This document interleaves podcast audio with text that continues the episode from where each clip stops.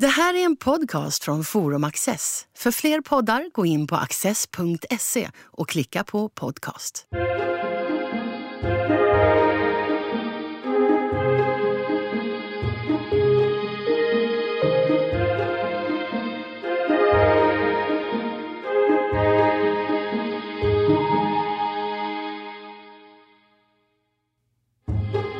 Innan franska revolutionen var släktträd endast verktyg för den feodala överklassen att befästa sin sociala status. Petter Hellström har nyligen disputerat inom idé och lärdomshistoria vid Uppsala universitet på en avhandling om släktträdens historia inom den moderna vetenskapen. I de franska arkiven gjorde han upptäckter som skrivit om historien. Petter Hellström, du har forskat om släktträd. Vi associerar nog ofta det till släktforskning, men du menar att det är något annat? Jag menar nog inte att det är något annat, utan att det är något mer. Ehm, alltså, många kanske har sett släktträd och sånt när man, om man har hållit på eller varit intresserad av släkthistoria. Men det är ju också någonting, alltså det har blivit någonting mycket mer än en vardaglig teknik. Alltså släktträd är ju också en, en vetenskaplig eh, teknologi, alltså det används inom vetenskaplig forskning på eh, väldigt hög eh, teoretisk avancerad nivå.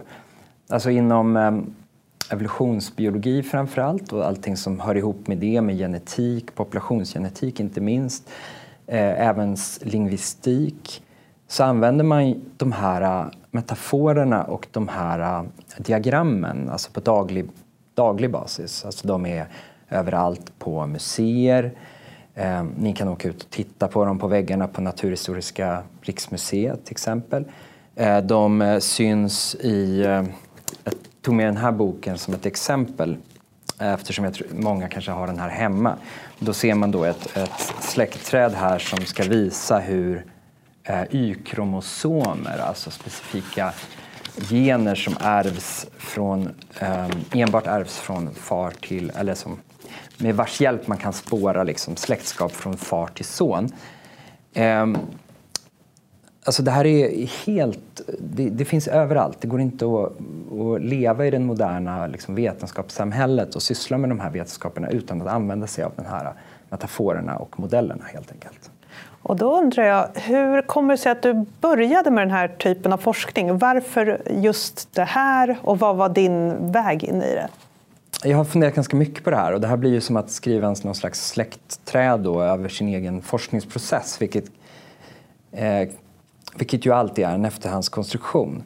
Men precis som all annan släkthistoria ofta, tenderar att bli. Men, alltså jag, jag, var, jag, jag, blev väldigt fascinerad av den här paradoxen att en, en sån liksom viktig vetenskaplig modell som är med i nästan varenda eh, paper som publiceras i, en le i ledande tidskrifter som är grunden för dataprogram som används i, i vetenskapliga labb som är med i varenda, liksom varenda lärobok i, på universitetet i, i evolutionär biologi. Och den här paradoxen att den här metaforen och den här bilden och de här diagrammen eh, Eh, liksom har en historia som samtidigt kommer från det religiösa arvet och från den feodala samhällsordningen. Att det är någon slags eh, kvarleva av, av det gamla samhället som har överlevt in i modern tid och fått helt nya roller. Och någonting som är fascinerande med den här paradoxen är ju att vi tänker ju ofta på evolutionsläran och evolutionär vetenskap som nästan motsatsen till det religiösa arvet. Alltså ofta så blir det, det är en, det är en väldigt infekterade diskussioner. Det blir bråk kring det här, inte minst i USA såklart, men även i Sverige. Och eh, för mig var det fascinerande för jag visste sen tidigare, hade jag studerat, innan jag började med det här så hade jag läst jag religionsvetenskap, eh, alltså på grundnivå. Och då hade jag skrivit en stor uppsats som handlade om genealogisk, genealogiska bilder och tekniker i, i, liksom i kristen tradition under medeltiden. Och så plötsligt insåg jag att det fanns kopplingar här. Att eh, något som började som ett specifikt liksom, kristet ikonografisk tradition i, genom många mutationer har gett upphov till den här världsbilden som samtidigt underminerar mycket av det kristna arvet. Så jag, den här paradoxen intresserade mig. Det intresserade mig en annan paradox också som handlade om att i tidig modern tid, alltså i det förrevolutionära Europa, innan franska revolutionen, eh, så var ju det här en modell som enbart adeln mm, brydde sig om. Alltså det var ju inte vanligt folk sysslade inte med att rita släktträd och sånt. Och sen har det i vår tid då blivit en modell som snarare är raka motsatsen. Nu sitter vi ihop med våra släktträd inte bara med med eh, liksom rika och fattiga människor utan med apor och ormar och dinosaurier och gäddor och vad gud vet vad. Alltså, så det, det, har liksom fått en sån fascinerande utveckling av det här sättet att organisera släktskap. Men ta oss tillbaka till allra första början. Vad, vad var det ursprungliga släktträdet? När började det här? Var befinner vi oss i tid och hur såg det ut? Ja, det blir ju alltid, alltså, som historiker vill man ju aldrig säga när någonting börjar och vad som var först och så vidare. För att allting är ju en tolkning vad som är, är början. Men, eh, men släktträdet är den här tekniken att använda rita saker som liknar träd för att visa hur människor är släkt med varandra är ett ganska, har en ganska tydlig historia och den går att datera ganska specifikt. Eh, det handlar om Västeuropa, eh, det handlar om högmedeltid. Alltså vi pratar, den här börjar utvecklas från 900-talet och framåt som en kristen eh, symbol i kyrkokonst. Och det handlar om hur man visualiserar Jesu Kristi världsliga arv. Och det specifika syftet är att visa eh, Alltså det är en, en, en kristen tolkning av en eh, hebreisk vers från Gamla testamentet eh, som man gjorde en väldigt fri tolkning av, vilket gjordes möjligt av olika översättningar hit och dit. Och det är i Jesaja eh, i Gamla testamentet så säger profeten att eh, Messias ska komma i framtiden. Och från eh, Jesse, rot och stam och Jesse är alltså kung Davids far i Gamla testamentet. Från Jesse, rot och stam, eh, från Jesses kropp ska växa ett, ett skott och på det skottet ska en, en blomma eh, slå ut. Och det här tyckte då kristna teologer under högmedeltiden var en ganska tydlig berättelse om att Jesus skulle födas från jungfru Maria. Och eh, då kan man undra hur det här kunde vara så tydligt och det beror på översättningen av Bibeln, nämligen att en, ett skott, det här skottet som skulle växa från Jesse är virga på, på latin och eh, jungfru Maria är ju Virgo. Och då tyckte man att det här, men det här var någon slags eh, symbolik där. Att, att, då började man rita det här Jesse som låg ner på sin dödsbädd och så växte ett skott och där stod, var jungfru Maria avbildad och sen eh, kom en blomma ur jungfru Maria och där var Jesus. Och det här kan man faktiskt, den som är intresserad, det här är ett väldigt liksom, prominent tema i europeisk kyrkokonst, framförallt i, i Västeuropa. Och, men det finns även i Sverige. Så den som vill resa runt och titta på Albertus Pictors målningar har alltså flera gässeträd att titta på i Mälarområdet. Spännande. Du har rest runt en del själv och åkt till franska arkiv ja. bland annat. Så eh, berätta lite mer om det. Ja, alltså nu, Precis, att det, det är lätt att liksom dras in i, i djupet av den här historien och alla århundraden som den här metaforen och de här bildspråket har utvecklats.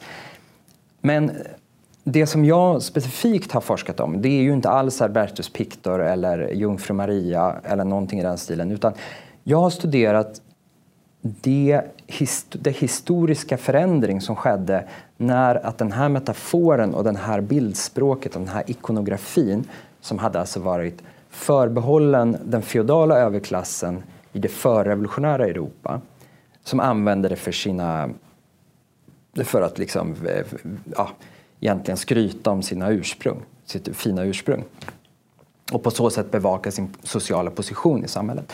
Jag har tittat på det, den historiska förändring när det här började användas inom den moderna sekulära vetenskapen och lyftes in och började de här träden började användas för att klassificera kunskap, för att klassificera naturens ordning, vart språk, hur språken var släktade med varandra och så.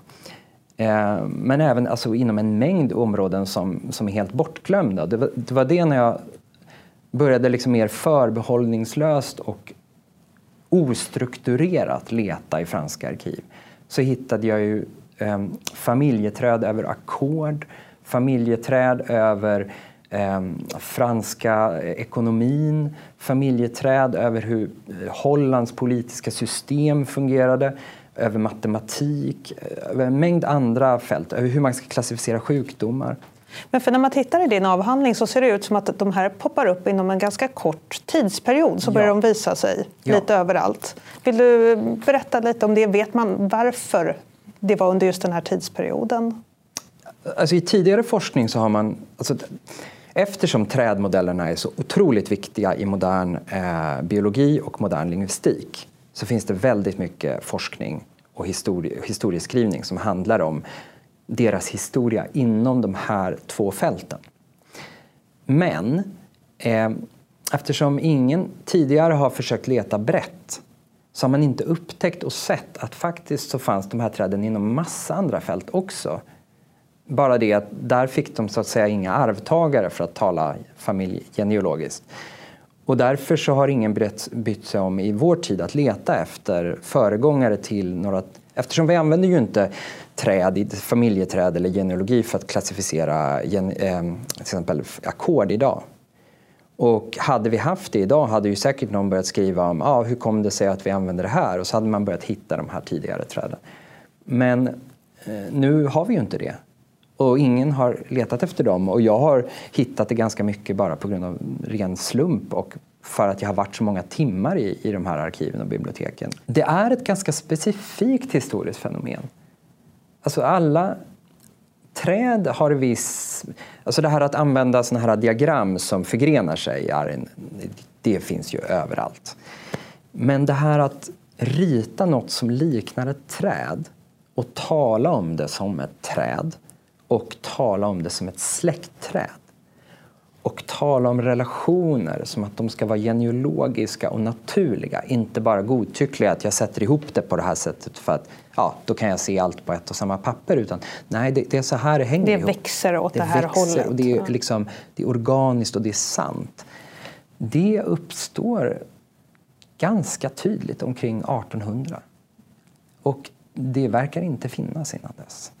Och det är det som är kanske en av de mest förvånande, alltså för mig förvånande. Jag fick göra om hela mitt projekt. Alltså jag, eh, två år in på min avhandlingsarbete så insåg jag i princip att jag måste börja om.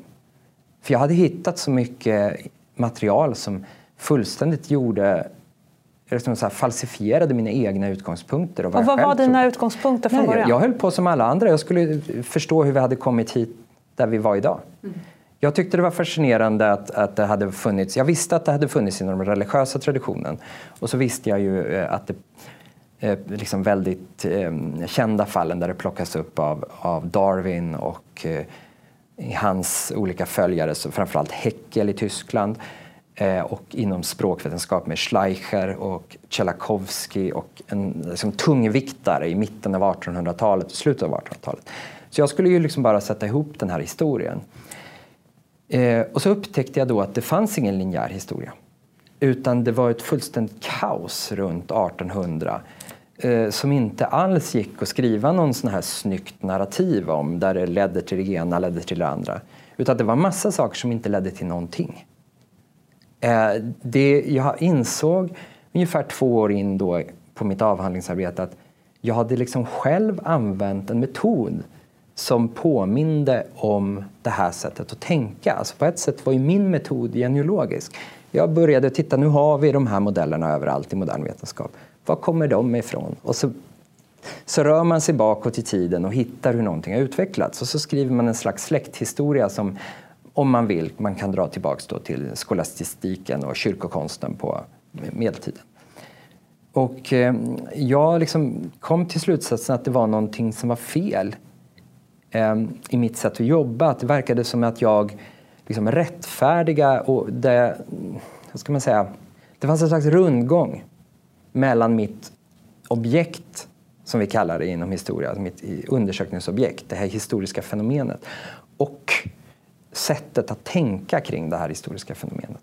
Vad gör, du nämner två, två områden som var okända för dig tidigare. Ja. Musikvetenskap och ja. nationalekonomi. Va? Ja, alltså det är, det är väldigt fascinerande. Faktum är att eh, man måste göra sig av med väldigt många förutfattade meningar om vad vetenskap är. Om man går tillbaka till 1700-talet så är det ju många som anser att, att, att musiken är en mycket mer exakt och naturlig vetenskap än till exempel botaniken eller zoologin. Ehm, den är mycket starkare allierad med matematik. Ehm, I förordet till encyklopedin till exempel så nämns eh, musikvetenskapen som en paradigmatisk vetenskap, alltså en, en perfekt vetenskap som har kommit längre än många andra vetenskaper. Och det nämns just som vetenskap. Och både Diderot och D'Alembert som var då redaktörerna för encyklopedin, båda de skrev alltså verk som var eh, populariseringar av musikteori som var bland deras mest lästa böcker de någonsin skrev. Eh, Rousseau skrev om musik. Alltså det, musik hade en helt annan status. Och det jag upptäckte var att i försöken att också då skapa en musikalisk vetenskap som var väldigt starka på 1700-talet i Frankrike framförallt i Frankrike, så använder man ju då ofta de här träden. Och de var ofta kopplade till olika antaganden om vad som var naturligt. Jean-Philippe Rameau, som var den st stora auktoriteten i, under 1700-talet på musikteori, ja, brukar liksom, i ett genealogiskt sätt att tänka i vår värld brukar han kallas för eh, musikvetenskapens eller musikteorins fader. Det här är ju en annan sån här vanlig genealogisk metafor vi fortfarande använder. Ehm, ja, han ansåg att det fanns, musiken fanns i naturen. Den var ett naturligt fenomen. Och det som musiker och musikteoretiker gjorde var att bara att kanalisera det här och tolka liksom naturlagarna, musikens naturlagar. Ungefär som vi tänker idag kring fysik eller kemi och så vidare.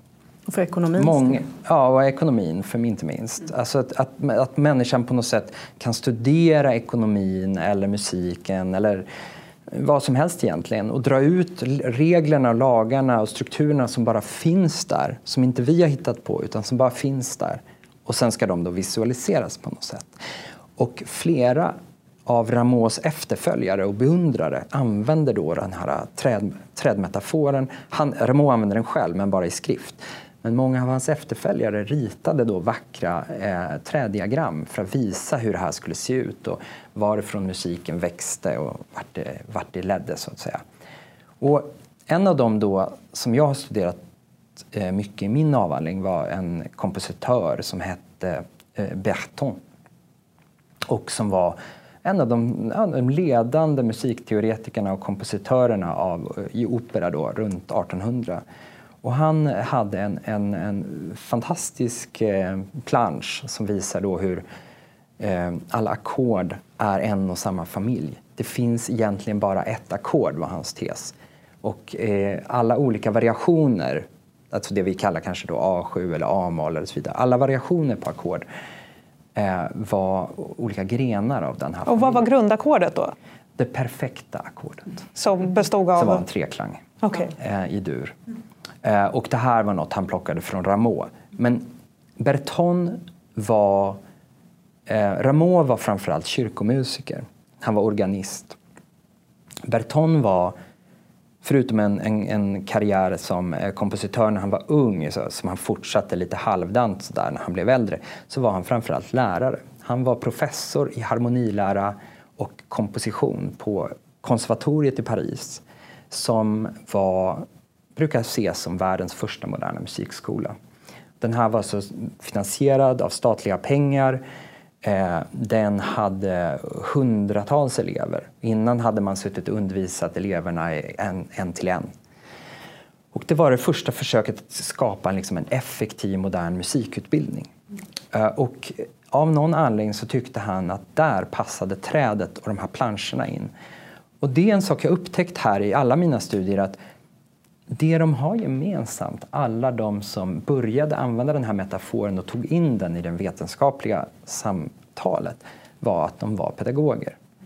Så det här är en jättetydlig indikation att det verkar som att den här metaforen som senare blev så att säga, en, en sanning, eller en, som vi använder för att modellera, kom in först som en slags retoriskt hjälpmedel för att förklara saker.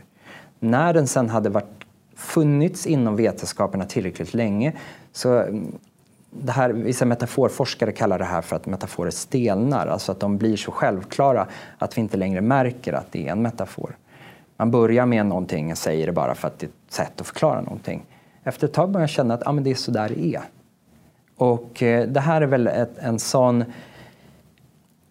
en sån känsla som jag har fått när jag har studerat med det här, men det här går på ett sätt aldrig att belägga, men den här metaforen, den här modellen kommer in runt 1800. Den kommer inte in med de stora kändisarna. Den kommer in med olika mer eller mindre perifera aktörer som ofta är lärare som använder den i undervisning. Och ungefär 50 år senare, i mitten av 1800-talet, så lanseras den här modellen, och då har den funnits så runt omkring och använts i kanske 50 år här och där.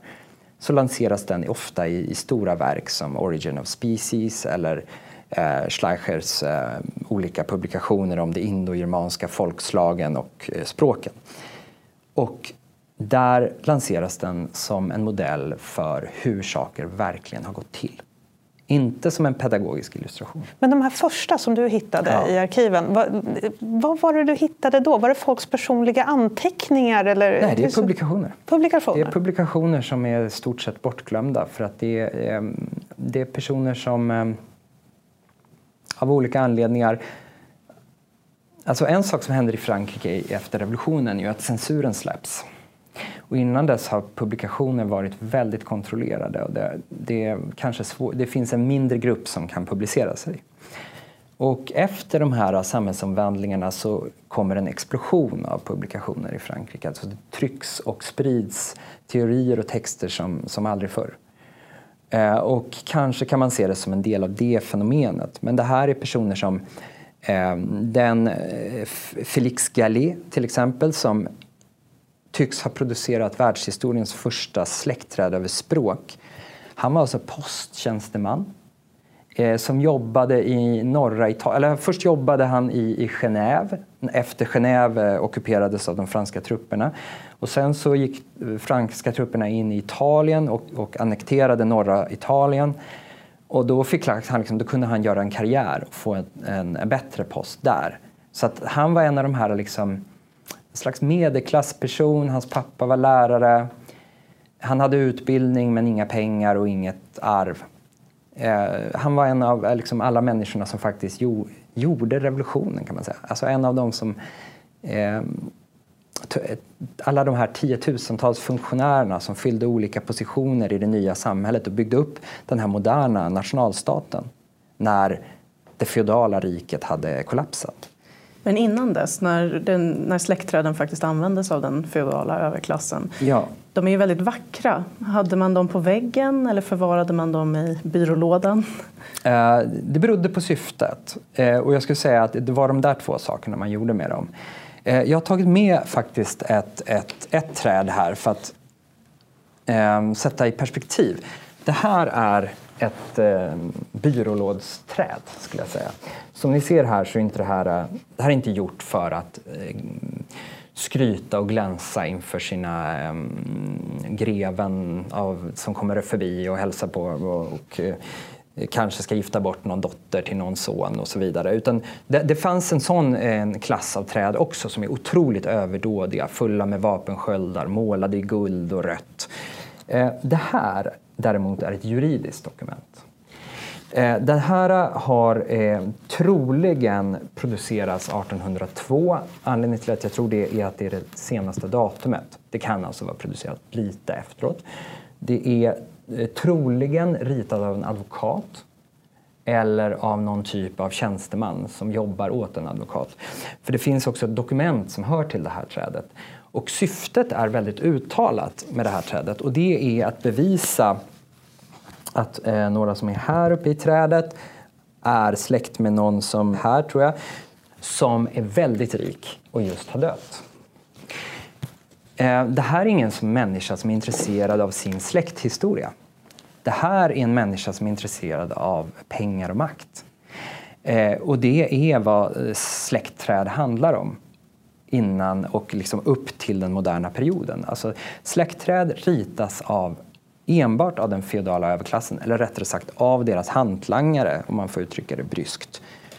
Och syftet är att se till att man får titlar, att man ärver pengar, att man får kontroll över territorier eller att man kan skryta och imponera tillräckligt mycket för att gifta bort sina barn uppåt i samhällshierarkin. Eh, det här är alltså helt annorlunda än vad vi använder släktträd till idag. Eh, då den här tekniken och det här sättet att rita släktskap kanske snarare handlar om att man vill veta varifrån man kommer. Eh, ett bra exempel kan vara så här, tänka att när någon upp, gör släktforskning idag och upptäcker att ens farfars far var flottare eller eh, att mormors mor var judinna från Mären eller något sånt så blir det en rolig, alltså det blir en intressant detalj som berikar ens historia och som man säkert pratar med folk om. Upptäcker du det här på 1700-talet är det ju något som måste tystas ner. Istället måste du leta vidare och se om det inte fanns någon liten hertig i släkten som du kan hänvisa till. Den tidens släktträd är inga kompletta samlingar av ens Eh, varifrån man kommer. Absolut inte. Utan syftet är att befästa ditt släktskap och arv från vissa specifika personer.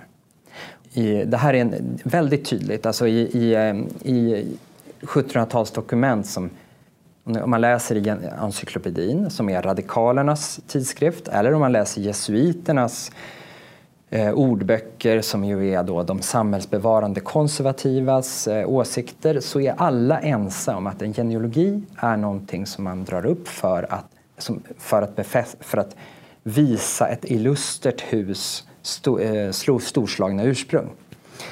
Och eh, man brukar säga, då skriver de till exempel i encyklopedin att om man ska ha en bra genealogi så måste man ju haft kända adelsmän i släkten redan under korsfarartiden. Eh, då är man okej. Okay.